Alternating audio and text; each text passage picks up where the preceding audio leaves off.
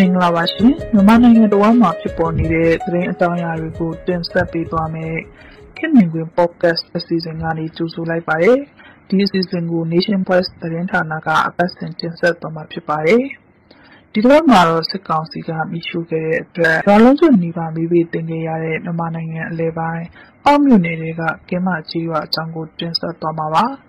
ကင်းမတီရွာကနေရင်ဆိုင်ခဲ့ရတဲ့အဖြစ်အပျက်တွေနဲ့လက်တလုံးကြုံတွေ့နေရတဲ့စိန်ခေါ်မှုတွေအကြောင်းကိုတင်ဆက်သွားမှာဖြစ်ပါတယ်။ဒီဆောင်မကို Nation Voice ရဲ့သတင်းထောက်တွေကစုစည်းတင်ဆက်ထားတာပါ။ကျွန်တော်ကြီးကိုခံစားရတာပေါ့ကျွန်တော်တို့တလုံးဟာတူသားပန်းသားနဲ့လောက်ကိုင်လာခဲ့တဲ့နောက်အဲနိုင်ရတဲ့အတွက်နဲ့ဆုံးရှုံးတော့တယ်ဆိုတော့တော်တော်ကြီးခံစားရတာပေါ့ညာ။ဒါကကင်းမကြီးရွာကန်တူရဲ့ရင်တွင်းစကားတန်ပါ။သူကအသက်40ကျော်အရွယ်ကလေး9ဦးရဲ့ဖခင်လည်းဖြစ်ပါတယ် မြန်မာနိုင်ငံလေပိုင်းကကြေးရွာတစ်ခုဖြစ်တဲ့ကင်းမကြေးရွာကိုစစ်ကောင်စီကဇွန်လ15ရက်နေ့မှာမီးရှို့ခဲ့ပြီးကြေးရွာကန်တွေအနေနဲ့စိန်ခေါ်မှုများစွာကိုရင်ဆိုင်နေကြရတာပါအခုကကျွန်တော်တို့မှာတဝါမျိုးတွေကအစအရာရာဆုံးရှုံးသွားပြီဆိုတော့ကျွန်တော်ကျွန်တော်တို့ကဘာလုပ်လို့ဘာဘာလုပ်ကြတာမှမသိတဲ့အခြေအနေကိုရောက်သွားပြီးစိုက်ပျိုးရေးလုပ်သွားလို့ဘာပြောလဲကိုယ့်ဘဝရက်အသက်ရှင်မှုရတော့ကိုကမတွေးဝင်တွေးလို့ ညှော်မှန်းလို့မရတော့အောင်အခြေအနေကြီးကိုရောက်နေတော့ခင်ဗျအင်ဂျီ240ကျော်လူဦးရေ1000ကျော်ရှိတဲ့ကင်းမရွာဟာတောင်သူအလုပ်ကိုအဓိကလုပ်ကိုင်တဲ့ကြေးရွာဖြစ်ပြီးပသိမ်မုံရွာကားလမ်းမကြီးနဲ့၄မိုင်ခန့်ကွာဝေးပါတယ်။ကင်းမရွာကမကွေးတိုင်းပခုတ်ကူခရိုင်ပေါင်းမြို့နယ်ရဲ့တောင်ဘက်မိုင်20 အကွာမှာတည်ရှိပြီးပေါင်းမြို့နယ်ရဲ့အစွန်ဆုံးကြေးရွာတစ်ခုလည်းဖြစ်ပါတယ်။ဇွန်လ15ရက်နေ့မှာစစ်ကောင်စီအဖွဲ့ဝင်တွေကကင်းမကြေးရွာကိုမိရှို့ခဲ့ကြတယ်လို့ဒေသခံတွေကပြောကြပါတယ်။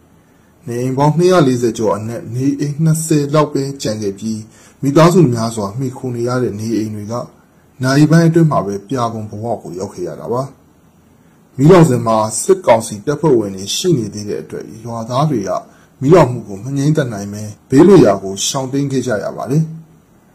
မိရှုရတဲ့အကြောင်းရင်းကတော့မေလ31ရက်နေ့မှာစစ်ကောင်စီတပ်ဖွဲ့ဝင်တွေနဲ့ပေါင်းမြို့နယ်ပြည်သူ့ကာကွယ်ရေးတပ်ဖွဲ့ PPDF တို့ရဲ့ ကင်းမရွာအနီးကြည်ငူတောင်တိုက်ပွဲမှာစစ်ကောင်စီဘက်ကအယောက်30ခန့်သေဆုံးသွားတာကြောင့်အဲ့ဒါကိုအညှိုးထားပြီးလုပ်တာဖြစ်တယ်လို့ POP PDF အဖွဲ့မှပါဝင်တဲ့အမျိုးသမီးတဦးကပြောပါတယ်။မေ31ရက်မှာကျမတို့ဒီကြည်ငူတောင်တိုက်ပွဲဆိုတာဖြစ်ခဲ့တယ်ရ။အဲ့ဒါလည်းဆရာတို့လည်းကြားမှာပါ။အဲ့တော့အဲ့တိုက်ပွဲကကင်းမရွာနဲ့စိတ်မဝေးဘူး။အဲ့ကြည်ငူတောင်နဲ့ကင်းမနဲ့မဝေးဘူးပေါ့။ကြည်ငူတောင်ကိုဖြတ်ပြီးမှကင်းမကိုရောက်တာ။ဆိုတော့အဲ့ဒီတိုက်ပွဲကိုအခြေခံပြီးတော့မှသူတို့ကလုပ်တယ်လို့ ကျမတို့ကသုံးသပ်တယ်ပေါ့။ဘာဖြစ်လို့အဲ့လိုသုံးသပ်တာလဲဆိုလို့ရှိရင်ကျင့်ကိုယ်တော်နဲ့ကင်းမနဲ့နီးတယ်။ဒါကြောင့်ကင်းမကလူတွေသည်ဒီကျင့်ကိုယ်တော်တိုက်ပွဲမှာအဓိကပါတဲ့လူတွေဖြစ်မယ်လို့သူတို့ကယူဆတယ်။ယူဆပြီးတော့မှဒါကင်းမရွာဝင်ပြီးတော့မှမီးရှို့တဲ့သဘောပဲ။ဟိုနောက်တစ်ခါဒါမျိုးလုပ်လို့ရှိရင်ဒီလိုပဲနောက်ရွာတွေကဒါမျိုးတွေလုပ်ရင်ဒါမျိုးတွေငါတို့ရှို့ပြမယ်တတ်ပြမယ်ဆိုပြီးဒါမျိုးတွေလုပ်တယ်။နောက်တစ်ခုကသူတို့ကနွားတွေမဖြစ်နေကိုပြစ်တတ်တယ် ပစ်သတ်ပြီးတော့မှအဲဒီသတ်တဲ့အသားတွေကိုလှေယူသွားတယ်။နောက်ကိုင်းလယ်ရဲစခန်းထဲမှာပဲရွာသစ်ဆိုတဲ့တပ်ကုန်းရွာသစ်ကအဲဒီရွာသစ်ကလူတွေနဲ့ပေါင်းပြီးတော့မှအဲဒီရဲတွေကအောင်ပွဲခံတယ်လို့။”ဒါကတော့ပေါက် PDF အဖွဲ့ဝင်အမျိုးသမီးကပြောတာပါ။ပေါက် PDF ဖွဲ့ထားတာကပြည်သူကိုကာကွယ်ဖို့အတွက်ဖြစ်တာကြောင့်အခုလိုကျေးရွာလူထုကိုထိခိုက်လာတဲ့အတွက်တန်ပြန်လှုပ်ရှားမှုတွေဆက်လက်လုပ်ဆောင်သွားမယ်လို့သူမကဆိုပါတယ်။လက်ရှိမှာအဝတ်တထည်ကိုယ်တခုနဲ့တောထဲမှာတိမ်းရှောင်နေရတဲ့ဒေသခံတွေအတွက် စားဝတ်နေရေးအကူအညီတွေလိုအပ်နေဆဲဖြစ်တယ်လို့သူမကပြောပါတယ်။ဒီမီးရှို့ခံရမှုမှာကြေးရွာခံတွေရဲ့ချွေးနဲ့ရင်လို့နှစ်ပေါင်းများစွာခက်ခက်ခဲခဲစောက်ခရတဲ့အိမ်တွေလေယာလုပ်ငန်းတွေမှာအသုံးပြုရတဲ့ကျွဲနွားတွေဘဝရည်တည်ရေးအတွက်တနိုင်တဲ့ပိုင်းမွေးမြူထားတဲ့စိတ်နဲ့ဝက်တွေကိုဆုံးရှုံးခဲ့ကြရပါတယ်။အများကြီးပဲဗျ။ကျမတို့ဟိုခက်ခက်ခက်ခက်ပြောနေမှာကျမတို့ဒီပောက်ထားတဲ့အိမ်တွေကျမတို့ရဲ့ဒီလေယာလုပ်ငန်းမှာအသုံးပြုတဲ့နွားတွေ ပေါ့နောက်ဒီဆိတ်တွေကျွဲတွေဝက်တွေအများကြီးပါပဲကျမတို့ဆုံးရှုံးရတာအဲ့ဒါအပြင်ကျမတို့အဲ့ထက်မှာလည်းသူတို့ဒီကြက်ကြက်တဲတဲကာလမှာစုဆောင်းထားတဲ့ငွေကြေးတွေလည်းပါလိမ့်မယ်ဗျအဲ့တော့ဒါဒီဒီလူခွင့်ရင်းနဲ့ပတ်သက်ပြီးပြောရရင်တော့အများကြီးဆရာကြီးဟိုအခုလက်ရှိရှောင်းသိမ်းနေရတဲ့ပြည်သူလူထုတွေဟိုအခုဆိုလို့ရှိရင်မိုးကြနေပြီပေါ့ဒီတောင်ပေါ့တောင်ပိုင်းမှာပေါ့မြို့နယ်မှာမိုးရွာနေပြီရွာနေတဲ့အခါမှာသူတို့အတွက်လုံခြုံမှုမရှိဘူးအာဟိုမိုးကမရှိဘူးအိမ်မရှိဘူးနောက်အဲ့သူတို့သုံးဆွဲနေရတဲ့ရေတွေ မတန်ဘူးပေါ့ဝမ်းပြန်ဝမ်းလျှောဖြစ်နိုင်တဲ့ရေတွေဖြစ်တယ်ဆိုတော့ခါကြတော့ဒါဒီအင်တာသူတို့လူအခွင့်အရေးဆုံးရှုံးတယ်နောက်ပြီးတော့နောက်တစ်ခုဟိုအဲ့ထက်မှာမှအဆိုးဆုံးဖြစ်စဉ်တစ်ခုကသူတို့အနေနဲ့ဘယ်အချိန်မှစစ်ကောင်စီကပြန်လာပြီးတော့မှသူတို့ကိုထပ်ပြီးတော့မှအနေရပေးအောင်မှလဲဒုက္ခပေးအောင်မှလဲဆိုတဲ့စိုးရိမ်ကြောက်ရွံ့ဖို့ပေါ့အဲ့ဒါကြီးကသူတို့စိတ်ထဲမှာအခုဒီရပိုင်းအဖြစ်ဖြစ်နေတော့မယ်ကျေးရွာခန်းတွေအနေနဲ့အဆိုးဆုံးစိုးရိမ်မှုကတော့ စစ်ကောင်စီကဘယ်အချိန်မှပြန်လာပြီးသူတို့ကိုနောက်ထပ်အန္တရာယ်ပေးဦးမလဲဆိုတာပါပဲကျေးရွာခန်းတွေရဲ့စိတ်ထဲမှာတော့ဒီဖြစ်စဉ်ကမနေ့တနေ့ကလိုမျိုးခြောက်လှက်နေစေလို့ဆိုပါတယ်ကျွန်တော်တို့အလူရှင်တွေတော့လာတော့လာတယ်ကျွန်တော်တို့မှပုံမလဲလဲအလူမခံရဘူးအလူခံတဲ့ရှိဘူးအဲလူတဲ့လူကလည်းရဲရဲဝဝမလာရဘူးလက်ခံတဲ့လူကလည်းကြောက်ကြောက်နေပဲလက်ခံနေရဆိုတော့အဲ့ဒါလုံကတော့မတည်ပဲဖြစ်နေတယ်ခင်ဗျလူတွေကအဝေးတွေမှာတော့တောင်တွေထဲမှာ ပုံဆောင်နေတဲ့လူကများနေရွာလုံးကျွတ်မီးရှို့ဖျက်ဆီးတယ်ဆိုတဲ့သတင်းဟာမြန်မာနိုင်ငံမှာတော့အဆန်းမဟုတ်တော့ပါဘူးမကြသေးတဲ့နှစ်တွေမှာရခိုင်ပြည်နယ်ကကြေးရွာတွေအပါအဝင်တိုင်းရင်းသားဒေသတွေမှာတိုက်ပွဲတွေကြောင့်ရွာလုံးကျွတ်မီးရှို့ဖျက်ဆီးခံရပြီးထောင်နဲ့ချီတဲ့ဒေသခံတွေထွက်ပြေးတင်းရှောင်နေကြရပါတယ်မြန်မာနိုင်ငံအလဲပိုင်းဒေသကကြေးရွာတရွာ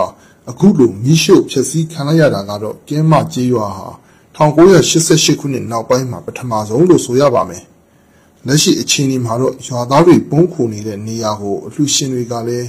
ရဲရဲဝံ့ဝံ့မလာရဲတယ်လို့လက်ခံမဲ့သူတွေကလည်းကြောက်ကြောက်နဲ့လက်ခံနေရတဲ့အခြေအနေမှာရှိတယ်လို့ထောက်ပံ့ပစ္စည်းဝေငှရေးဥဆောင်လုပ်ကိုင်နေတဲ့အမျိုးသားတအုပ်ကပြောပါတယ်။အဓိကလိုအပ်ချက်ကတော့ကျွန်တော်တို့ကြီးဟာစားဦးစားကွက်တွေအဲ့ဒါတွေအခုလို့တယ်ဒီမှာ ဟိုဆန်းတို့အဝတ်အထည်တို့တချို့လဲပို့လာကြတယ်အဲ့ဒီဓာတ်ဦးတံကွက်တွေဟိုလူတွေအထက်မှာအဲ့ဒီဟာတွေအပါနဲ့နေတာချစ်ပြုတ်ချစ်ပြုတ်လို့တောင်းမဲ့ပကံတို့အဲ့ဒါမျိုးတွေလဲတယ်ခင်ဗျလာတော့လာကြတယ်လူချင်းတွေတိတိအပါနဲ့တယ်ဟိုဟာအင်ဗာတာတို့ဆိုလာပြတော့ပေါ့ဗျာကျွန်တော်တို့ဒီမှာအလုပ်လုပ်နေတော့ဟိုအားပေးနေလို့ရှိရင်အဲ့ဒါအဆင်မပြေတော့ဘူးခင်ဗျအလုပ်လုပ်လို့အားကုန်သွားတော့အားသွင်းစရာအခက်အခဲရှိနေတာပါဝါဘန်တို့အဲ့လိုအင်ဗာတာ ဆိုလာပြတော့အဲ့ဒါတွေများများရှိမှပိုးအဆင်ပြေမှာခင်ဗျနှစ်ပေါင်းများစွာတည်ထောင်ခဲ့ရတဲ့နေအိမ်နဲ့မိသားစုတွေရဲ့ဘဝတွေကိုမိရှုဖျက်ဆီးလိုက်တာဟာပြည်သူတွေကိုတတ်တတ်မဲ့ဒုက္ခပေးခြင်းတဲ့သဘောလားလို့လုံခြုံရေးအရာအမည်မဖော်လို့တဲ့ကင်းမရွာကအသက်55နှစ်အရွယ်အမျိုးသားတဦးကမေခွန်းထုတ်ပါတယ်သူတို့တွေကတော့ဒါခိုင်းနေကိုလုတ်ပြီးမှနေပြီးမှသူတို့မှာအိုးတွေအိမ်တွေဒီလိုမျိုးတွေကိုယ်ပိုင်နေရှိကြတယ်အတွေ့အခေါ်တွေဖြစ်လား အမမို့တတ်တကူကူကိုကျွန်တော်တို့ရဲ့ပြည်သူတွေကိုတဲ့ဒုက္ခပေးခြင်းလို့ပဲလားလို့ပဲကျွန်တော်ကတော့အဲ့လိုပဲမေးချင်ပါတယ်ဗျာစစ်ကောင်စီဟာသူတို့ရဲ့လုပ်ရက်တွေကို2008ဖွဲ့စည်းပုံအခြေခံဥပဒေအောက်ကနေလှုပ်ဆောင်နေတယ်လို့မကြာခဏပြောဆိုတတ်ပြီးသူတို့ရွာကိုအခုလိုမိရှို့တာကလည်းဒီဥပဒေအရလောက်တာလားလို့ကြေးရွာခံအချို့ကမေးခွန်းထုတ်ကြပါတယ်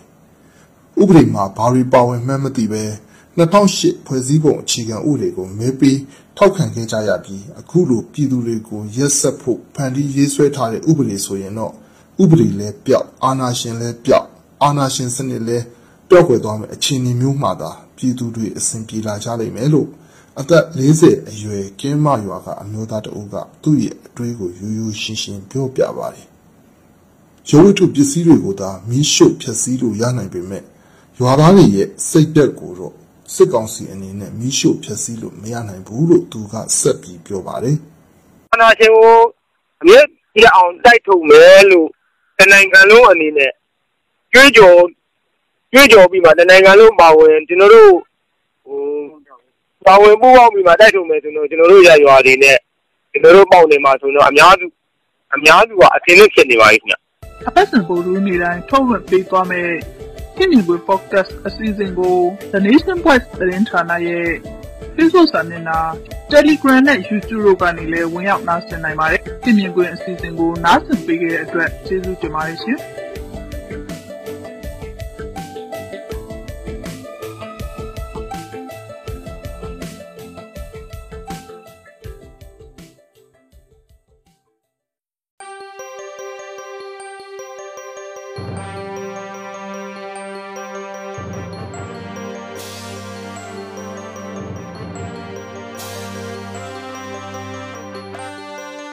မင်္ဂလာပါရှင်။ဇူလိုင်လ9ရက်နေ့ညနေ6နာရီထိပြည်ရင်းပြည်ပသတင်းဌာနတွေမှာဖော်ပြထားတဲ့မြန်မာနိုင်ငံရဲ့ထိတ်တန့်သတင်းတွေနဲ့လက်ရေးစဉ်15ပုဒ်ကိုထုံနှုတ်ဖတ်ပြမယ် The Nation Voice Daily Pocket အစီအစဉ်ကနေကြိုဆိုလိုက်ပါတယ်။ဒီသတင်းတွေထဲမှာတော့အာနာဒိတ်စစ်ကောင်းဆောင်လူမြင်ကွင်းမှာကွယ်ပြောက်နေတဲ့အကြောင်းစစ်ကောင်စီရောင်းတဲ့နိုင်ငံပိုင်မြေနဲ့အဆောက်အုံတွေကိုဝယ်ယူပါကပြန်သိမ်းမယ်လို့ NUG ကထုတ်ပြန်လိုက်တဲ့အကြောင်းနေပြည်တော်စစ်ကောင်စီလက်အောက်ခံရုံးများမှာ ကိုဗစ်ကူးစက်မှုဆိုးရွားလာတဲ့ဆိုတဲ့အကြောင်းနဲ့မြန်မာတရုတ်နေဆက်ကုံတွေလုံးဝရပ်ဆိုင်းသွားတဲ့အကြောင်းတွေပါဝင်ပါတယ်။အနာတိုင်းစစ်ကောင်စီကောင်းဆောင်ဗိုလ်ချုပ်မှုကြီးမင်းအောင်လှိုင်ဟာရုရှားနိုင်ငံကနေဇွန်လ29ရက်နေ့ကပြန်လာပြီးတဲ့နောက်ဒီကနေ့9ရက်နေ့အထိလူမြင်ကွင်းကထွက်ပေါ်လာခြင်းမရှိတာပါ။နှစ်ပတ်ခန့်ကြောင်ပျောက်ကွယ်နေတဲ့စစ်ကောင်းဆောင်ဟာရခိုင်ကပုံပန်လှုပ်ဆောင်နေကြဖြစ်တဲ့စစ်ကောင်စီအစည်းအဝေးတွေကိုခေါ်ယူကျင်းပတာမျိုးမရှိတော့ဘဲ တချို့အစည်းအဝေးတွေကိုစစ်ကောင်စီတူကောင်းဆောင်ဒုဗိုလ်ချုပ်ကြီးစိုးဝင်းကဥဆောင်တက်ရောက်နေတဲ့အကြောင်းစစ်ကောင်စီလက်အောက်ခံသတင်းမီဒီယာတွေမှာဖော်ပြနေပါတယ်။ကိုဗစ်ရောဂါကူးစက်မှုပြန်လည်မြင့်တက်လာတဲ့မန္တလေးမြို့မှာဇူလိုင်လပထမပတ်အတွင်းအောက်ဆီဂျင်မလုံလောက်မှုကြောင့်တေဆုံးသူ80ဦးရှိပြီလို့ပရိဟိတဒင်းနေစီကနေသိရပါတယ်။တေဆုံးသူအများစုဟာအသက်ကြီးသူတွေနဲ့ယောဂခံရှိသူတွေဖြစ်ကြပါတယ်။ဇူလိုင်လ9ရက်နဲ့10ရက်2ရက်ထဲမှာကိုဗစ်ကြောင့်တေဆုံးသူ20ကျော်ရှိခဲ့တာပါ။ ဒါ့အပြင်ကိုဗစ်ကူးစက်မှုမြင့်တက်ခင်ကတည်းကအောက်ဆီဂျင်ဘူးနဲ့ဆက်ဆက်ပစ္စည်းတွေကြိုတင်စုဆောင်းဝယ်ယူထားတာကြောင့်အမှန်တကယ်လိုအပ်တဲ့လူတွေအတွက်ဈေးကြီးပြီးပစ္စည်းပြက်လက်မှုတွေလည်းဖြစ်ပေါ်နေပါတယ်။40လီတာတဘူးကိုအရင်ကကြက်တသိန်းခွဲတာပေးရပေမဲ့အခုတော့ကြက်3သိန်းခွဲကျော်အထိဈေးရှိနေပါတယ်။အောက်ဆီဂျင်ဆက်တလုံးဟာအရင်ကကြက်10သိန်းလောက်တာရှိခဲ့ပေမဲ့အခုတော့ကြက်သိန်း20အထိပေးဝယ်နေကြရပါတယ်။ စစ်ကောင်စီလက်အောက်ခံပုဂ္ဂလိကပိုင်းပြုလုပ်ရေးကော်မရှင်ကနိုင်ငံပိုင်မြေအဆောက်အုံနဲ့မြေကွက်23ခုကိုအဖွင့်တင်တာစနစ်နဲ့ရောင်းချဖို့စီစဉ်ဆောင်ရွက်နေတာဟာတရားဝင်မှုမရှိတာကြောင့်မဝယ်ယူချဖို့နဲ့ဝယ်ယူထားပါကလည်းနိုင်ငံပိုင်ဖြစ်ပြန်လဲတင်းယူမယ်လို့မြို့သားညီညွတ်ရေးအစိုးရရဲ့စီမံကိန်းဗန္နာရေးနဲ့ယင်းနှိမ့်မြုပ်နှံမှုဝန်ကြီးဌာနကဇူလိုင်လ9ရက်ရက်စွဲနဲ့ကြေညာလိုက်ပါတယ်။ဇွန်လ26ရက်ထုတ်ကြေးမုံသတင်းစာမှာစစ်ကောင်စီကအဲ့ဒီတင်တာကိုကြေညာထားတာပါ။ကချင်စကိုင်းတနင်္သာရီ ပဲခူးမွန်ရှမ်းပြည်နယ်တို့ကနိုင်ငံပိုင်မြေနဲ့အစအုံမြေကွက်စုစုပေါင်း23ခုကိုရောင်းချဖို့စစ်ကောင်စီကကြံရည်နေရလဲဖြစ်ပါတယ်။မန္တလေးအိုးဘိုချင်းတောင်မှာဖမ်းဆီးခံထားရတဲ့မန္တလေးတိုင်းဝန်ကြီးချုပ်ဒေါက်တာဇော်မြင့်မောင်ရဲ့ကျန်းမာရေးမကောင်းဘူးလို့အမှုကိုလိုက်ပါဆောင်ရွက်ပေးနေတဲ့ရှင်းနေတွေစီကနေသိရပါဗျ။ဒေါက်တာဇော်မြင့်မောင်ကိုဖေဖော်ဝါရီလတရက်နေ့ကလေးကဖမ်းဆီးထားခဲ့တာဖြစ်ပြီးရာဇသက်ကြီးဥပဒေပုံမှန်905ခါကို တဘာဝဘေးရန်ရဲ့စီမံခန့်ခွဲရေးဥပဒေပုံမှ25မြန်ဆောင်30ကကြီးတို့နဲ့တရားစွဲဆိုထားတာပါဒီကနေ့ရုံးချိန်မှာအဲ့ဒီပုံမှန်တွေနဲ့ဆွဲချက်တင်အမိန့်ချခဲ့ပြီးလာမယ့်ဇူလိုင်လ30ရက်နေ့မှာတော့ပြန်ခေါ်တက်တွေစစ်ဖို့ရုံးချိန်ခေါ်ဆိုထားပါတယ်ရန်ကုန်တိုင်းတုံးခွမြို့နယ်ဖျားကြီးကျေးရွာကစစ်ကောင်စီခန့်အုပ်ချုပ်ရေးမှူးဦးမျိုးမြင့်အောင်ဟာဒီကနေ့မနက်9:00နာရီလောက်မှာတနက်နေ့ပြစ်တက်ခံလိုက်ရပါတယ်စစ်ပင်းကန်ကျေးရွာနဲ့ကျွဲကိုကျေးရွာကြားဆက်သွယ်ရေးလမ်းမှာ ပြစ်ကတ်ခံရတာဖြစ်ပြီးဘဲဖွဲ့စည်းကပြစ်တက်သွားလဲဆိုတာတော့မသိရသေးပါဘူး စစ်ကောင်စီကရန်ကုန်မြို့မှာမီတာကတွေတင်းကျပ်ကောက်ခံနေစဉ်ဒီကနေ့ဇူလိုင်လ9ရက်နေ့မနက်မှာတော့မင်္ဂလာတော်မြို့နယ်လျှက်စီရုံးမှာပောက်ခွဲမှုတစ်ခုဖြစ်ပွားခဲ့ပါတယ်။ဒါအပြင်လမ်းမတော်နဲ့စမ်းချောင်းမြို့နယ်တွေမှာလည်းဒီမနက်ကဘုံပေါက်ကွဲမှုတွေဖြစ်ပေါ်ခဲ့ပြီးပြီးခဲ့တဲ့ရက်ပိုင်းမှာတော့တာမွေမြို့နယ်လျှက်စီရုံးမှာလည်းဘုံပေါက်ကွဲမှုတွေဖြစ်ပေါ်ခဲ့ပါသေးတယ်။ဗီတာကမပေးတဲ့နေအိမ်တွေကိုမိဖြတ်မယ်လို့စစ်ကောင်စီကချင်းကြောက်ထားတာရှိသလိုပြည်သူတွေအနေနဲ့မိမိတို့တုံးဆွဲခဲ့တဲ့လျှက်စစ်ဗီတာကတွေကို လစဉ်ပုံမှန်ပေးဆောင်ကြဖို့လဲစစ်ကောင်စီလက်အောက်ခံလျှက်စစ်နဲ့စွမ်းရင်ဝန်ကြီးဌာနကတန်ကြားထုတ်ပြန်ထားပါတယ်။ကချင်လွန်မြောက်ရေးတပ်မတော် KIA ရဲ့တပ်မဟာရှိထိန်းချုပ်နယ်မြေဖြစ်တဲ့မြို့လှမြို့အနီးကိုစစ်ကောင်စီကဒီကနေ့ညနေပိုင်းမှာတိုက်လေရင်နဲ့ပစ်ခတ်ခဲ့တယ်လို့သိရပါတယ်။မြို့လှမြို့အနီးမှာတိုက်လေရင်၄စီးနဲ့ပစ်ခတ်မှုအချက်ပေါင်း35ချက်ထပ်မံပစ်ခတ်ခဲ့ကမြကြီးနားမြို့ကတိုက်လေရင်၂စီးလဲဒီမနက်10:00နာရီလောက်ကထွက်ခွာသွားတယ်လို့သိရပါတယ်။ ရှမ်းပြည်နယ်မြောက်ပိုင်းမူဆယ်မြို့နယ်ခရိုင်အုပ်ချုပ်ရေးမှူးအပါအဝင်ဌာနဆိုင်ရာဝန်ထမ်း60တဦး COVID-19 ကိုကူးစက်ခံထားကြရပါတယ်။ခရိုင်အုပ်ချုပ်ရေးမှူးမြို့နယ်ရဲတပ်ဖွဲ့မှူးနေဆက်ကုံတွေရေးညွှန်ကြားရေးမှူးမြို့နယ်အုပ်ချုပ်ရေးမှူးရဲ့ဇနီးအပါအဝင်အတီးပြုလူနာ62ဦးရှိတာကြောင့်စုစုပေါင်းလူနာ260ကျော်ပြီဖြစ်ကကုတရဲ့နေရာမလုံလောက်မှုတွေဖြစ်ပေါ်နေပါတယ်။ကိုဗစ်ကုတဆောင်ဖွင့်ထားတဲ့ပြည်သူစေယုံအတစ်စေယုံအဟောင်းနဲ့တရုတ်စာတင်တန်းကျောင်းတွေမှာ လူတွေပြည့်နေတာကြောင့်အကောက်ခွန်ယုံနေဆက်ကုံတွေရေးယုံနဲ့အိမ်တွင်းမှုကျောင်းတွေမှာပါပိုးတွေ့လူနာတွေကိုထားရှိကုသပေးနေရပါတယ်။ကိုဗစ်ရောဂါကူးစက်မှုပြင်းထန်ခံစားနေရတဲ့ကလေးမျိုးမှာအေးရိပ်မုံမိရမဲ့ခေဟာကကလေးငယ်34ဦးကိုဗစ်ပိုးတွေ့ရှိနေရတယ်လို့သိရပါတယ်။ကလေးငယ်42ဦးရှိတဲ့နဲ့34ဦးမှာပိုးတွေ့ရှိခဲ့ရတာပါ။ကလေးမျိုးမှာဇူလိုင်လ9ရက်မနက်ပိုင်းအထိကိုဗစ်ပိုးတွေ့လူနာ 1910ဦးသေဆုံးသူ66ဦးနဲ့ယောဂတတလာလို့ဆေးရုံကဆင်းသူ1080ဦးရှိတယ်လို့ကလေးမျိုးပြည်သူဆေးရုံစရင်အရသိရပါဗျ။နေပြည်တော်ကပြည်ရေးဝန်ကြီးဌာနအပါအဝင်အစိုးရရုံးတွေမှာကိုဗစ်ကူးစက်မှုဆိုးဝါးနေပြီးဒီကနေ့မနက်ပိုင်းကစလို့နေပြည်တော်ရှင်းမြို့နယ်အတွင်းတနေရာနဲ့တနေရာသွားလာမှုတွေကိုစတင်ပိတ်ပင်လိုက်ပြီးဖြစ်ပါတယ်။နေပြည်တော်ကောင်စီရဲ့ထုတ်ပြန်ချက်အရအစိုးရရုံးတွေရှိတဲ့စမူတီရီမြို့နယ်မှာကိုဗစ်ပိုးသွေးရှိသူ1000နီးပါးရှိနေပြီး တည်ရရေးနိုင်ငံတော်စီမံအုပ်ချုပ်မှုကောင်စီရုံးဗဟိုဘဏ်လူမှုကြီးကြပ်ရေးဌာနပညာရေးနိုင်ငံသားရေးနဲ့စောက်လုပ်ရေးဝန်ကြီးဌာနတွေမှာကိုဗစ်ပိုးကူးစက်ခံနေရတာတွေရှိနေတာပါနောက်ဆုံးလက်ကျန်ကြံစမ်းကျော်ဝန်တိုင်ဂိတ်ကိုတရုတ်နိုင်ငံဘက်ကဇူလိုင်လ10ရက်နေ့မှာပိတ်ပင်လိုက်ပြီးဖြစ်တဲ့အတွက်မြန်မာတရုတ်နယ်စပ်ကုန်သွယ်ရေးလုပ်ငန်းတွေဟာလုံးဝရပ်ဆိုင်းသွားပြီဖြစ်ပါတယ်။တရုတ်မြန်မာနယ်စပ်မူဆယ်ဒေသမှာကိုဗစ်ပိုးတွေ့ရှိမှုများလာတဲ့ဆိုတဲ့အကြောင်းပြချက်နဲ့ နှစ်နိုင်ငံနယ်နိမိတ်ဂိတ်၅ခုအနက်